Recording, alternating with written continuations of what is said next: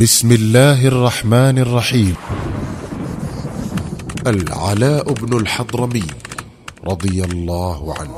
لاذ المرتدون الفارون بحمى جزيرة دارين وتحصنوا بأمواج البحر التي تحيط بها إحاطة السوار بالمعصم. ثم أرخوا لأنفسهم أعنتها وأخلدوا إلى مهاد الراحة والطمأنينة وأغفلوا الحيطة والحذر. ذلك لأنهم كانوا على يقين بأن جند المسلمين النابتين في بطن الصحراء لم يعرفوا ركوب البحار ولم يألفوا متون السفن. زد على ذلك أنهم لا يملكون شيئا منها. لكن العلاء بن الحضرمي كان قد أضمر في نفسه امرا عظيما خطيرا. لم يفكر فيه قائد إسلامي من قبل ولا خطر لأحد من المسلمين على بال. لقد عقد العزم على غزو دارين والظفر بالمرتدين المعتصمين بأسوار الماء. لم يكن العلاء يجهل أن جنوده أبناء الصحراء يهابون البحر أعظم الهيبة ويخشون مخاطره أشد الخشية. ولم يكن في حاجة إلى من يذكره بأنه لا يملك سفينة واحدة ينقل عليها جنديا واحدا من جنوده. فكيف إذا كان يحتاج إلى أسطول ضخم؟ ليحمل عليه هذا الجيش الكبير كله كما يحتاج إلى جسور متحركة ليعبر فوقها هو ومن معه إلى اليابسة. إن هذا كله كان يعرفه العلاء بن الحضرمي ويعرف معه أيضا أن جزيرة دارين تبعد عن شواطئ البحرين مسافة تقطعها السفن الشراعية في يوم وليلة وعلى الرغم من ذلك كله. فإنه لم يتردد لحظة واحدة فيما عقد العزم عليه. ولما أشبع العلاء الخطة بينه وبين نفسه بحثا ودرسا وأوسعها تدبيرا وتقديرا جمع عسكره ووقف فيهم خطيبا.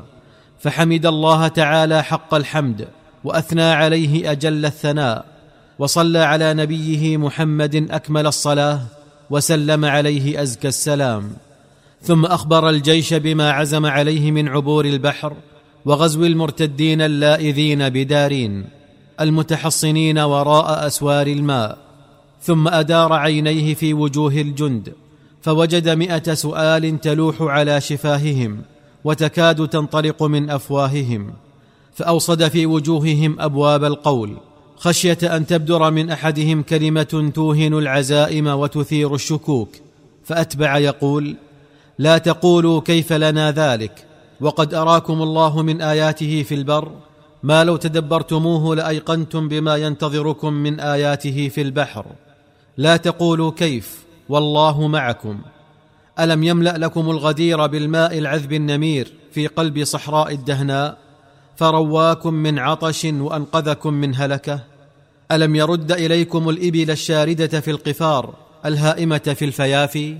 فرأيتموها بأعينكم وكأن ملائكة الرحمن تحفها بأجنحتها وتسوقها إلى مواطئ أقدامكم سوقا دون أن تفقدوا صاعا من الزاد الذي فوق ظهورها أو جرعة من الماء الذي على متونها فأطعمكم من جوع وأمنكم من خوف وأنقذكم من هلاك. إن الله الذي أجاب دعوتكم حين دعوتموه في جوف الصحراء مخبتين راجين واثقين. سيجيب دعوتكم بفضله حين تدعونه وأنتم تعبرون اليم للقاء عدوه صادقين مخلصين. ثم أنهى كلامه قائلا أعدوا أنفسكم وامضوا إلى لقاء عدو الله وعدوكم وامتطوا إليه ظهور إبلكم وخيلكم واعبروا على متونها ماء الخليج على بركة الله وتوفيقه. فما كان منهم إلا أن قالوا بصوت واحد نعم نعم نفعل ما أمرتنا به أيها القائد الملهم. والله لا نهاب بعد الدهناء شيئا إلا الله. ركب الكماه الأشاوس صهوات الجياد الصافنات ومتون النوق الكريمات وتوجهوا نحو شاطئ البحر. فلما غمسوا أقدام رواحلهم في الماء رفع القائد التقي النقي المؤمن كفيه إلى السماء وقال لجنده رددوا معي. ثم قال يا أرحم الراحمين يا صمد يا قوي يا حي يا قيوم لا إله إلا أنت وحدك لا شريك لك. عليك توكلنا وبقدرتك استعنا وبطولك اعتصمنا. ثم عبر البحر أمامهم وأمرهم بالعبور وراءه فتبعوه. وكان الخليج يومئذ في أوان هدوئه وجزره. فجعلت الخيل والإبل تسبح فوق مائه الساجي كأنها تمشي على رملة دمثة يغطيها قليل من الماء. ولما بلغ الجيش شواطئ دارين وثب الجند على البر وثوب الأسود على فرائسها وجردوا سيوفهم البتارة من أغمادها ومضوا يحصدون رؤوس أعداء الله حصدا وذهل المرتدون عن أنفسهم وعما حولهم ودهشوا لهول المفاجاه المرعبة وحاروا في أمر هؤلاء القوم. فما يدرون أهبطوا عليهم من السماء أم نبعوا لهم من الأرض إذ لم يكن في وسعهم أن يتصوروا مجرد تصور أنهم جاءوهم من البحر. وفي يوم وليلة طهر العلاء وجنده الجزيرة من المرتدين شبرا شبرا وذراعا ذراعا ومسحوها من الشاطئ إلى الشاطئ جيئة وذهابا. وذلك بعد أن قتلوا الرجال وسبوا الذراري والنساء وأحرزوا الأموال والأنعام. ثم قسم القائد المظفر الغنائم بين جنوده فأصاب كل فارس ألفين. ولم يفقد المسلمون في عبورهم البحر رجلا ولا حصانا ولا جملا سوى عليقة فرس لرجل من المسلمين فرجع العلاء إليها بنفسه وأعادها لصاحبها. هذا ولقد مر الجيش المؤمن في بعض طريقه براهب من نصارى هجر فاستأذن الراهب العلاء بن الحضرمي في أن يصحبهم ويحتمي بهم فأذن له.